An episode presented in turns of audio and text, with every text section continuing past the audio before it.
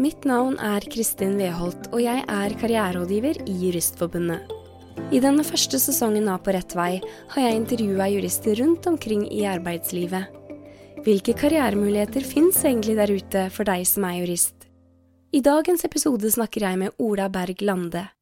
Ola jobber som tingrettsdommer ved Oslo tingrett, og har også vært ansatt hos Sivilombudsmannen, Regjeringsadvokaten og ved Statsministerens kontor. Jeg ville snakke med Ola om den gangen han prøvde å lande dommerjobben med sin personlige sjarm. Dessuten må det vel være ganske skummelt å sitte der i rettssalen og bestemme? Og hva mener han når han sier at han ser på seg selv som en håndverker? Ola, velkommen til På rett vei. Tusen takk, så utrolig artig å bli invitert hit. Ja, det er Så kult at du kom. Jeg syns det er veldig hyggelig av deg å ta tid til å snakke med oss, fordi det er et veldig spennende yrke du har, og det er mange av våre medlemmer som er nysgjerrig på det. Så da får vi høre, da. Hva gjorde at du hadde lyst til å studere jus? Det var egentlig helt tilfeldig. Jeg, jeg, hadde egentlig tenkt være, tenkt meg karriere i Forsvaret. Og så oppdaga jeg ganske fort, eller ikke helt fort nok, men at jeg egentlig ikke er så glad i å være kald og sulten og sliten, og ikke så glad i våpen. Og, så det var, det var liksom ikke noe gangbar vei allikevel. Men jeg kunne jo ikke Jeg måtte på en måte studere et eller annet. Og så i mangel av fantasi, kanskje, så valgte jeg den trygge jussen, da. Mm. Kom fra en sånn legefamilie. Så det, sånn sett så ble jeg var det jo et risky choice å bli jurist, men jeg tror i den store sammenhengen et ganske trygt valg, og så, ikke så veldig gjennomtenkt. Men jeg må si jeg må si jeg er innmari glad for det, sånn i ettertid. Jeg tenker at det var helt riktig for meg. Syns ja. det er et veldig morsomt fag. Det ser ut til at det har gått bra. ja, det har jo på en måte gått bra. Skal ikke klage, jeg. Nei. Så kan ikke du fortelle om For det, nå er du eh, dommer i Oslo tingrett. Og jeg har gjerne lyst til å høre hvordan du havna der. ja, altså um, Som jeg tror for mange, så visste jeg jo ikke helt hva jeg skulle gjøre når jeg var ferdig på skolen. Uh, og havna litt tilfeldig i Vik på Rein. Eh, som var et veldig bra sted. og jeg er Veldig sånn glad for den tida jeg hadde der, men, men, det var nok ikke helt noe for meg, i hvert fall ikke da. Så jeg slutta etter et par år å, være litt hos Sivilombudet, som også var, eh, også var veldig sånn spennende faglig sett, og veldig hyggelig sosialt, men, men kanskje litt sånn Skal vi si du, du jobber bare med papirer, da. Eh, sånn at på et eller annet tidspunkt, eller etter noen år, så ble jeg dommerfullmektig da i Nedre Romerike tingrett. Og det var, da klikka det litt for meg, rett og slett. Da, altså, ikke at jeg ble gæren, men at den, den jobben klikka med meg. Ja. Um, Syns det var innmari gøy.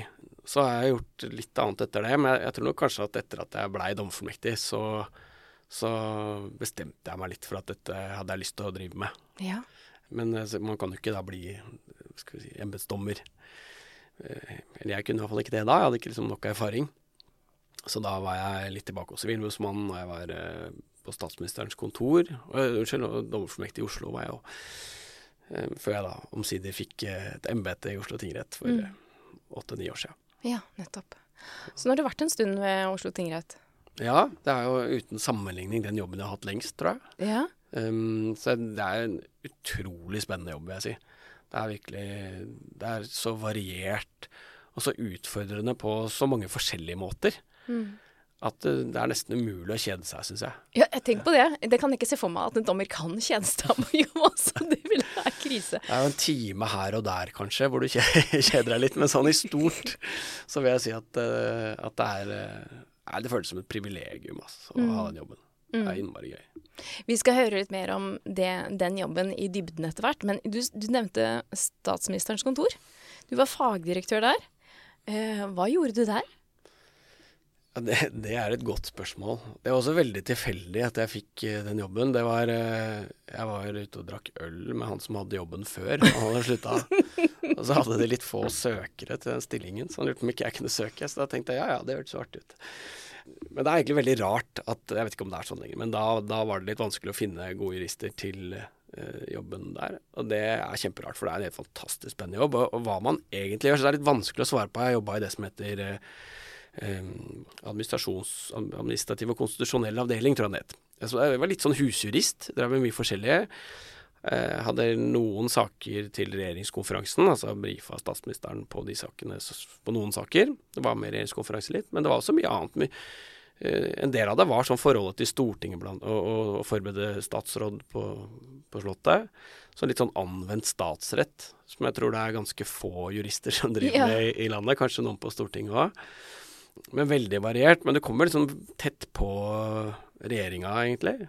Uh, og så det var kjempespennende. Veldig morsomt å se hvordan pølsene lages. Ja. Så, men akkurat hva stillingsbeskrivelsen er, det tror jeg ikke jeg kan gjengi. Nei, men der fikk du altså være helt sånn i det innerste i politikken, da, på mange måter.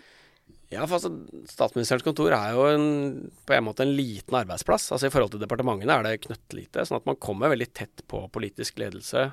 Um, så i hvert fall da jeg var der, var, var, det litt sånn hierarkisk, for så vidt. sånn at det er jo en, en, struktur som gjør at det er ikke noe tvil om at uh, jeg var ganske langt ned på, på hierarkiet. Men allikevel kommer du tett på, og du får lov å være med på avgjørelser som, som Det er nesten litt sånn rart å få være med på som mm. en helt vanlig dødelig byråkratjurist. Mm. Um, så det var, nei, det var en kjempespennende. Jeg fikk være med også på regjeringsskiftet da, da Jens Stoltenberg gikk av og, og Erna Solberg uh, tiltrådte. Ja. Det var jo også kjempeartig å se hvordan det skjedde, med hvordan man endret på departementsstrukturen og hele den prosessen der. var Kjempeartig. Mm. Wow. Ja, så kult. Jeg var uh, oppe på, på, Stortinget kvelden før uh, Erna Solberg skulle ta over med noen sånn jeg husker ikke statsrådsprotokoller hun skulle gjennomgå, et eller annet sånt. Da var det masse presse der da, som skulle prøve å liksom uteske hvem det var som var de nye statsrådene. Jeg tok meg den aller kuleste dressen jeg hadde og tenkte nå skulle noen tro at jeg var ny statsråd. Prøvde å se så mystisk ut jeg kunne. Og så dagen etter, da de skulle på, på Slottet og ta over, eh, så kom hun Julie Bråttkorb, som var eh, jeg var, jeg var sjef, administrasjonssjef eller et eller annet, jeg husker ikke.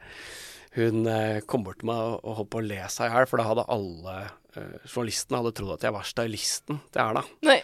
Så det var litt nedtur, da. Men, ah, ja.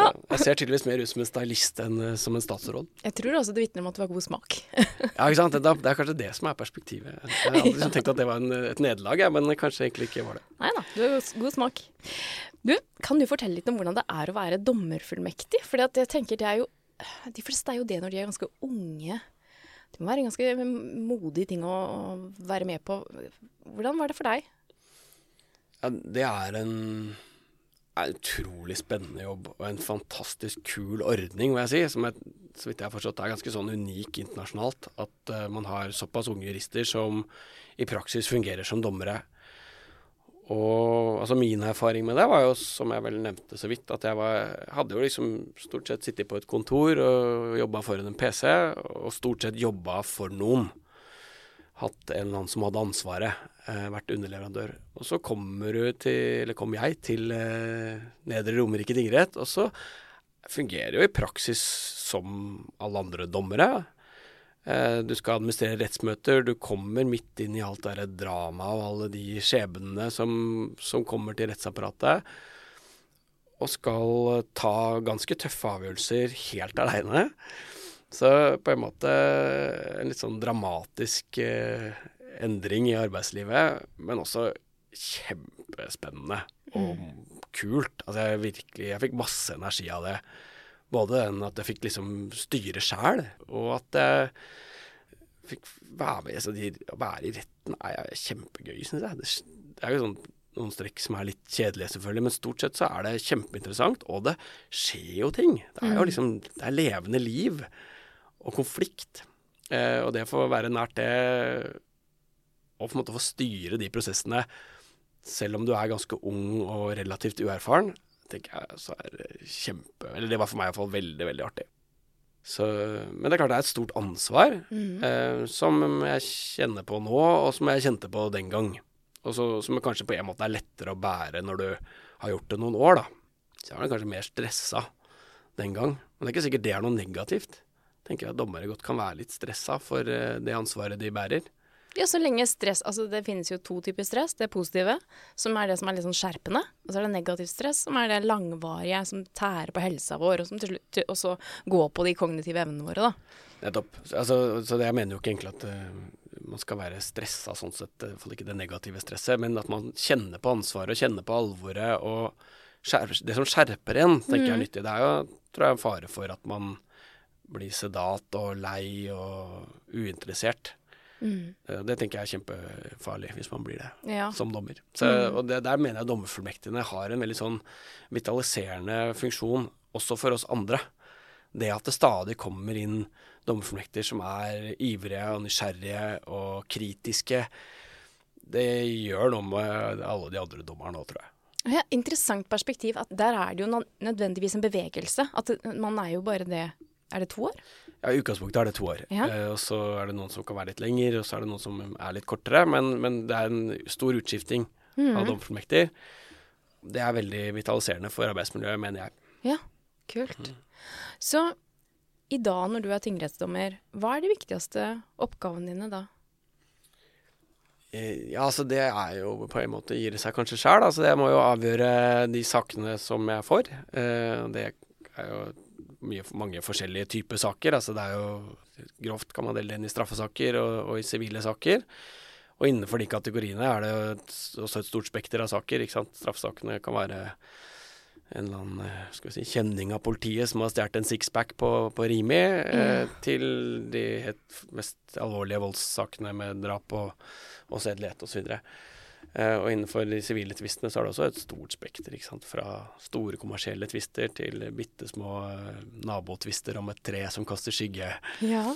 Altså, så det er jo å avgjøre de sakene som på en måte er hovedarbeidsoppgaven, og, og så bak det ligger det jo også en del andre arbeidsoppgaver. altså Dels skal disse sakene forberedes, og særlig de sivile sakene er det mye arbeid med å liksom skjære til og spisse saken før man skal i retten. Så skal man jo da både i- i sivile og straffesaker styre selve rettssaken, hovedforhandlingen. Og så skal man skrive dom etterpå, da. ja. Så jeg vet ikke om det ga svar på Jo, absolutt. Jeg blir bare nysgjerrig på hvor mye av tida sitter du i rettssalen? Altså, Det veit jeg ikke. Det føles uh, som at man sitter omtrent halvparten av tiden i rettssalen, men det er, tror jeg statistisk sett helt gærent. Jeg tror det er kanskje ca. 25% i arbeidstiden eller sånn man sitter i retten. Dette jeg har ikke noe sånn eh, gode tall på, men jeg husker i hvert fall at jeg ble overrasket sist jeg hørte hvor, hvor lite vi egentlig er i retten. Men jeg tenker at det sier noe om hvor mye det fyller mentalt, da. Altså at du må være veldig påskrudd. Ja, det er godt sett. Det tror jeg er helt riktig. Eh, Jeg i hvert fall syns det er ganske intenst å sitte i retten. Det er jo ofte ganske mange mennesker som snakker til dommeren. Og det er, jo, det er jo du som på en måte er mottakeren av all den kommunikasjonen og alt som skjer der. Eh, Sånn at det er mange som snakker til deg, og det er som sagt konflikt. Og det er ofte en del avgjørelser som må tas, og en del motstridende interesser som må avveies mot hverandre. Samtidig som man jo skal følge med og prøve å skjønne hva det er som sies og, og kommuniseres. Og man skal stille gode spørsmål. Og sånn det er ganske sånn intenst og slitsomt. I hvert fall er ganske sliten etter en dag i retten. Mens hvis jeg sitter på kontoret og skriver og leser noen forarbeider og sånn, så, så det er ikke like krevende det. Nei. Selv om det også kan være jeg kan bli litt motløs av og til hvis jeg ikke får det til. Så er det på en måte noe helt annet. eh, En annen intensitet, en annen kvalitet, vil jeg si.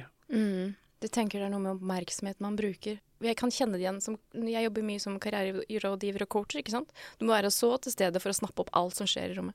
Jeg kan se for meg at det er litt sånn å være dommer også, at det er mange moving parts. Nettopp. Det, det tror jeg er helt riktig. Mm. Og på, på en måte det du gjør nå, eh, å lage podkast og styre den samtalen, det er jo litt noe av det samme ikke sant, man gjør i retten. Mm. Man har på en måte ansvaret for det som foregår, samtidig som man ikke skal ta så mye plass. Så, Ja. Ja. Du jobber jo med en stor bredde eh, av saker, både sivile saker og straffesaker. Eh, og det må jo være veldig mange regelverk å forholde seg til. Altså Norge holder seg med det vi kaller for generalistdommere, ikke sant? Hvor, for så vidt, eller hvor dommerne skal håndtere alle typer saker. Og Norge er nok også der litt sånn unike internasjonalt ved at eh, det er veldig lite spesialisering. Ja, jeg husker jeg ikke, jeg har hørt noe tall på dette, men det er liksom blant de minst spesialiserte dommerne i verden, så vidt jeg husker. Og det mm, er jo litt utfordrende at ofte så vil jo dommeren være den i rommet som kan minst om det saken gjelder. Noe som er litt sånn paradoksalt, gitt at det er dommeren som faktisk skal avgjøre saken. Så det er på en måte en utfordring. Samtidig så gjør det innmari spennende. da. Man må jo lære seg noe nytt hele tida. Og det er jo en av grunnene til at det aldri blir kjedelig, vil jeg si. Det er noen få sakstyper som du har hatt masse ganger før. ikke sant?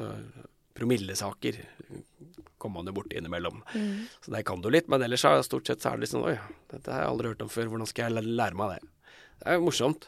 Og så I Oslo tingrett så har man da nå et eh, jeg vet ikke om det fortsatt er et prøveprosjekt, eller om det nå er eh, fast. Men vi har iallfall noe som heter moderat spesialisering.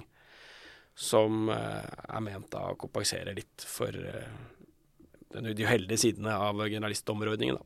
Mm. Sånn at der er mange av dommerne moderat spesialisert, såkalt, på noen områder. Ok. Mm. Det gir mening. Er det noen faglige kompetanser utover jussen du bruker mye? Ja, altså mange, vil jeg si. Men, men jeg, jeg, tenker at det, det viktigste kanskje er kommunikasjonsferdigheter. Eller kanskje egentlig sosial kompetanse. Ikke sant? Du, du skal administrere saker hvor det er veldig mye forskjellige folk som har eh, veldig forskjellig rolle. Du har advokatene som på en måte kanskje har nok en dag på jobben. Du har parter, tiltalte og fornærmede i straffesaker og, og partene i sivile saker som kanskje har sin ene dag i retten i livet, som er dritstressa, er i krise, syns det er veldig, veldig vanskelig å være der. Eh, også noen parter og tiltalte og fornærmede som har vært der mange ganger før. ikke sant? Så dette er også litt sånn kjent stoff for dem, dem òg. Du har vitner som eh, er mer eller mindre nervøse, ikke sant.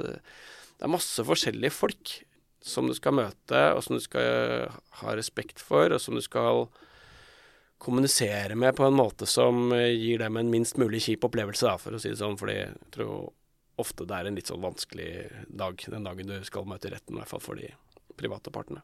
Mm. Så dels skal du klare å kommunisere vanskelig juss, kanskje, på en forståelig måte. Og dels skal du snakke til folk, som du jo bestemmer over, og i noen tilfeller skal felle dom over, på en måte som gjør at de føler at de blir hørt, uten at de nødvendigvis eh, er gitt at man er enig med dem. Det syns jeg er ganske krevende. Kanskje det mest krevende i den jobben er å og så skal du beholde sant, rettens verdighet, som man snakker om, det formelle, samtidig som du skal ha litt god stemning. Nei, det, er, det, er, mange sånne ting som er litt sånn vanskelig å formulere, syns jeg, men som jeg, i praksis er ganske krevende.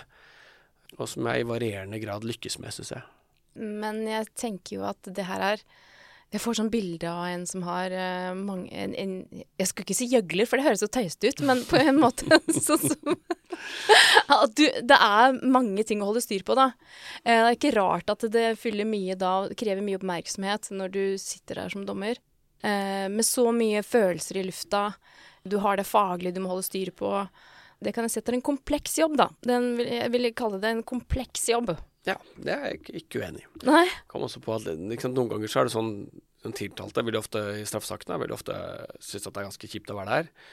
Så det er ganske fristende for, for meg, eh, som kanskje er en litt sånn jovial type, fristende å være veldig hyggelig mot tiltalte liksom prøve å senke, senke skuldrene litt for, å, for, at dette skal være minst mulig ubehagelig. Rettssaken skal jo på en måte ikke være straff. Men så har du noen saker igjen hvor du har La oss si det er en alvorlig sedelighetssak, hvor fornærmede er der.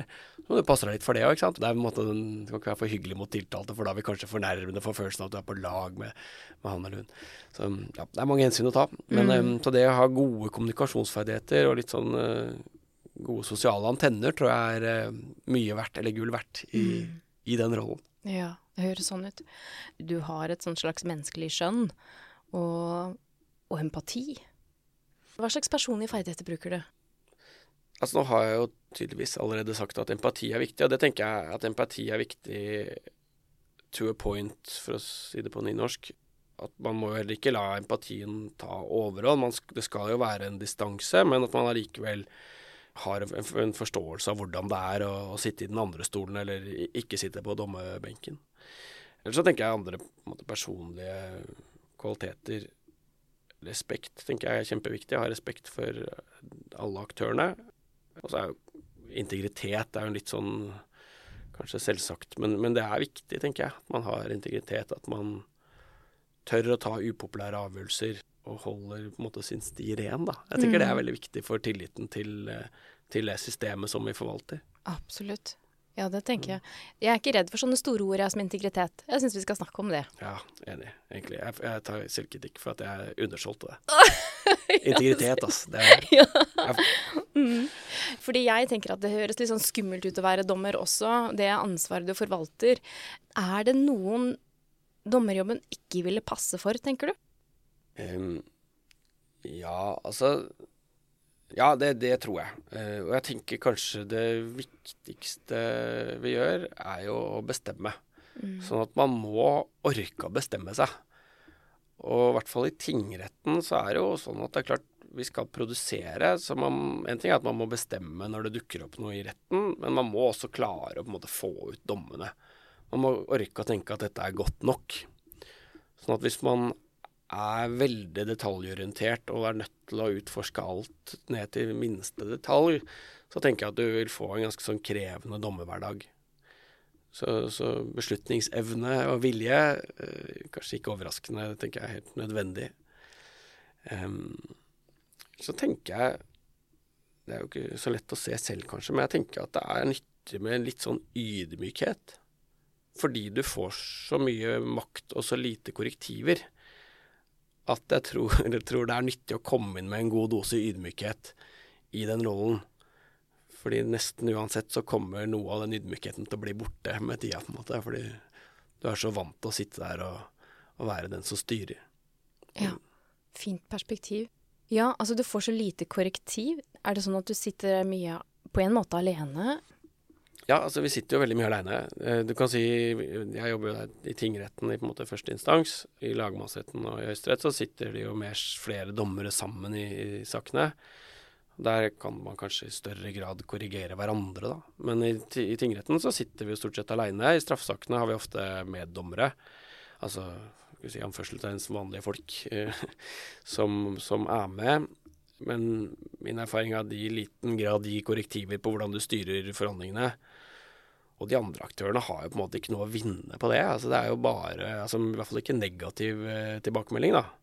Det er bare nedside, ikke sant. Å risikere å irritere dommeren. Sånn at eh, jeg tenker jo at man man i stor grad er nødt til å prøve å finne ut av sjøl om det man gjør er ålreit eller ikke. Mm. Så du evaluerer deg selv? Ja, det tenker jeg man må prøve å gjøre. Og så tror jeg, tenker jeg altså det er ganske vanskelig. Mhm. Så hva tror du gjorde at du fikk jobben?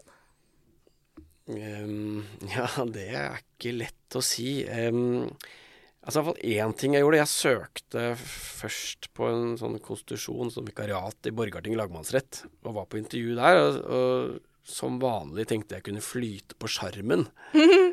og det kan jeg fortelle at det kunne jeg ikke. Da fikk jeg tilbakemelding etterpå om at jeg var eh, eplekjekk og dårlig forberedt og kanskje litt umoden. Og altså, jeg fikk passe godt påskrevet. Eh, Men så var de i innstillingsrådet sjenerøse nok og voksne nok til å gi meg en sjanse til da, da jeg- søkte på, på embetet i tingretten. Så det, en av de tingene som, gjorde som, som gjorde at jeg fikk jobben, var at jeg forberedte meg godt til intervjuet. Jeg brukte ganske mye tid på å tenke gjennom hva jeg mente var viktig eh, i den rollen. Så, så det er iallfall en konkret ting jeg gjorde. Men ellers er- tenker jeg for å bli dommer Det er jo ikke noe oppskrift på hvordan du blir dommer. Det, det rekrutteres ganske bredt. Ja. Og jeg tror det er et uttalt ønske om at uh, ikke alle dommerne skal ha helt lik bakgrunn. Um, sånn at man kan gjøre ganske mye forskjellig og fortsatt bli dommer. Jeg tror vel litt sånn generelt at det er lurt å ha vært dommerfullmektig. Veldig mange av dommerne har vært dommerfullmektige først. Må man ikke det? Man må ikke det, nei. Nei. da. Og det er, det er dommere som ikke har vært dommerfullmektige ja, men de fleste har nok vært det. Det handler jo dels om at det gir en fin erfaring, men det er også, det gir også den som søker jobben, en slags følelse av kommer jeg til å digge den jobben eller ikke. Så tror jeg vel også det er smart å ha litt erfaring, en annen erfaring som innebærer kontakt med, med domstolene på en eller annen måte. Eh, det tror jeg er smart. Men det er ikke, heller ikke noe regel. Altså det har jo folk som har jobba bare i forvaltningen f.eks., som jobber som dommere i dag. Så det er ikke noe, noe klar oppskrift. Men, eh, men det er jo kanskje noen som vi snakket om, da, noen personlige egenskaper som det lønner seg å, å ha og ha tenkt gjennom. Ok, men det er kult å høre at det er, eh, det er flere måter å komme dit på. Det er ikke bare én vei. Nei, nei, det er det virkelig ikke. Jeg, jeg tror det er, ja, der er det veldig mange veier til rom. Hva liker du best ved jobben din? Jeg vet ikke om det høres gærent ut, men det er, jeg, jeg pleier å si at det er liksom livets teater. Du kommer på en måte enormt tett på eh, masse menneskeskjebner og menneskeliv i deres mest dramatiske måte, og mest sårbare øyeblikk. Og veldig intime historier fra folks liv som du virkelig får Du sitter på første benk, på en måte. Samtidig som det er en ganske sånn stor distanse. Så man involveres jo ikke i disse livene på noen måte. Det er liksom helt eh, altså Misforstå meg rett, men litt sånn ansvarsfri eh, tilgang til til mange deler av samfunnet som jeg ellers aldri ville kommet i kontakt med, og mange liv og skjebner som jeg aldri ville kommet i kontakt med. Og det føles som et, et skikkelig privilegium å få et blikk inn i alle de livene som leves. Mm. Så det tror jeg er det jeg eh, liker aller best. Det høres litt sånn uh, voyeuristisk ut kanskje, men føler at det, jeg får sånn kjærlighet for alle de folka jeg møter. Uh, ja, så det, det er kjempespennende. Ja, for det er det jeg hører når du beskriver det der. Det kan jeg kjenne meg igjen i litt i jobben min. At uh, man blir engasjert. Jeg tror det kommer av en, en kjærlighet til mennesker. Ja, det føles sånn for, for, meg i hvert fall. Ja, mm. Men hva er det viktig at du har i jobben din for å trives, da? Det er jo mange ting. Jeg, jeg tror kanskje det viktigste uh, for at jeg skal trives, er at jeg har autonomi i litt sånn vid forstand, som, som jeg, har snakka om nå, noen ganger, så er det jo mye ansvar. Altså, jeg, jeg, vi treffer avgjørelser som har veldig stor betydning for både de det gjelder, og, og tenker jeg for samfunnet. Eh, så det er på en måte viktig å treffe planken. Og det er kjempemorsomt, og det er givende, og jeg liker å bestemme. Men for å trives med det, så, så, tenker jeg at det er viktig at jeg får tid til å gjøre skikkelige vurderinger. Jeg, hadde en kollega da jeg var dommerfullmektig, eller en, en embetsdommer, som, som, pleide å si at det viktigste vi gjør som dommere, er å ta oss tid til å være i tvil. Mm. Det syns jeg var så innmari godt sagt. At man må stoppe opp. Altså man lurer er nå dette egentlig riktig, ikke sant, dit jeg er på vei nå. Sånn at jeg tror det er viktig, eller jeg er glad for, da, at jeg i min jobb stort sett får rom til å gjøre en ordentlig jobb. Jeg tror de gangene hvor det blir veldig tidspress på viktige avgjørelser, så, så mistrives jeg med det. Det mm. føles ikke bra. Nei. Og det er bra, tenker jeg. Ja, ja det er det. Fortell om en gang du følte at du gjorde en forskjell som jurist. Ja, altså jeg tenker jo i enkeltsaker I hvert fall når man jobber liksom nederst da, på tingretten, så tenker jeg at det, jeg er i stor grad en håndverker. Så jeg, jeg, tenker at i den enkelte sak så er på en måte er det ikke noen grunn til å tenke at jeg gjør noe sånn kjempestor forskjell, annet enn at jeg kanskje gjør noe riktig. Men, men jeg tenker jo at jeg gjør en forskjell på en måte hver dag allikevel. Altså fordi jeg er ganske sånn stolt av den samfunnsfunksjonen som domstolene fyller, og jeg mener at domstoler, norske domstoler, eh, langt på vei i hvert fall, er ganske bra. Eh, så, så, det tenker jeg at gjør en forskjell. Og så er jeg en liten brikke i det, da. Mm. Og I den grad jeg liksom gjør en forskjell for folk, så handler det om de bitte små tinga. Altså i den enkelte sak, da. Bitte små ting. Altså, jeg tenker at hvis du klarer å gi de som er til stede, følelsen av å bli forstått og hørt, at du da kan skape en relasjon, eller jeg vet hva jeg skal kalle det, som gjør at det er lettere å akseptere en avgjørelse, da, selv om selv om det ikke gikk sånn som vedkommende ønsket seg. Jeg tenker at uh, i den grad jeg klarer det, og det føler jeg noen ganger at jeg får til, så tenker jeg at jeg gjør en forskjell. Mm. Jeg syns det var et veldig interessant perspektiv. Altså når du ser det at du er en, en håndverker. Ja, jeg tenker det. ja. Kan du bare si litt mer om det? Jobben min er jo å bruke skal vi si alminnelig bevisteori for å bestemme hva jeg mener har skjedd. Og så skal jeg bruke juridisk metode til å eh, finne ut av hvilke regler som regulerer, eller hva de reglene sier, og hva det innebærer sånn for partene. Mm. Og det tenker jeg er jobben min. Og så er jo realiteten at det er ganske stor grad av skjønn i de vurderingene. sånn at du kommer nok ikke unna at dommerne har en ganske sånn stor skjønnsmessig makt. Mm. Eh, Men jeg tror nok allikevel at det er ganske viktig å holde fast ved at jobben er ikke å, å finne fram til den eh, løsningen som jeg mener er riktig. Eh, Så jeg prøver å tenke på jobben min som et håndverk. Altså at jeg skal prøve å følge rettskildene til den regelen som er riktig, og, og bevisene til det faktum som er riktig, og, og da blir det sånn det blir, på en måte. Og ofte så er det sånn òg, syns jeg. Altså, ofte så veit jeg ikke hvordan det skal gå før jeg sitter og skriver. Og så kjenner du liksom at å, ja, det blir litt sånn, for det er det, det, er det kildene sier, på en måte. Sånn at det, jeg, jeg mener at det er et håndverk. Mm. Mm. Hva vet du nå som jurist, som du skulle ønske du visste da du var student, og særlig da du skulle søke din første juristjobb? Ja, altså jeg får jo snakke for, for meg sjæl, det, det er kanskje det jeg skal. Det er det du Um, skal. Men um, nei, jeg tenker at det jeg har lært som jeg ikke skjønte da, er at god juridisk metode, det er på en måte det aller viktigste. Det er, sant, det det er tilbake til dette med å være håndverker. Mm. Det viktigste er å kunne metoden. Vite åssen du skal slå inn spikeren. Og jeg tror da jeg gikk på jussen, så tenkte jeg liksom at det var viktig å liksom lære meg å huske mest mulig materielle regler. Kunne materielle, kunne svare på ting på sparket. Og det tenker jeg for det første er en ganske sånn kortvarig glede av å lære seg mye materiell jus, fordi reglene forandrer seg. Og dessuten så dukker det alltid opp noe nytt som du ikke har tenkt på før, som kanskje ingen har tenkt på før. Nye problemstillinger. Og da tenker jeg at hvis du har god metode, kombinert da med liksom litt god systemforståelse, tenker jeg også er viktig, og en god forståelse av liksom de grunnleggende prinsippene, så kan man løse veldig, veldig mye. Og jeg tenker at hvis man blir trygg på de tinga der, så kan man være trygg på at man kan løse de fleste rettslige problemstillinger, da. Og det var for meg i hvert fall både befriende og litt sånn forløsende da jeg skjønte det. Mm. Og det, det er jo også det som gjør at jeg orker å være dommer, ikke sant. For vi snakka om at, det at vi er generalister. Grunnen til at jeg orker det, er at jeg tenker at ok, men dette kan løses med de verktøyene der, ikke sant. Mm. Så selv om jeg ikke akkurat har vært borti skattebetalingslovens paragraf ditt og datt før, så har jeg liksom på en måte en slags tro på at det kommer jeg til å finne ut av. Ja. Ok, så her hører jeg at eh, en beskjed til unge jurister er lær av håndverket.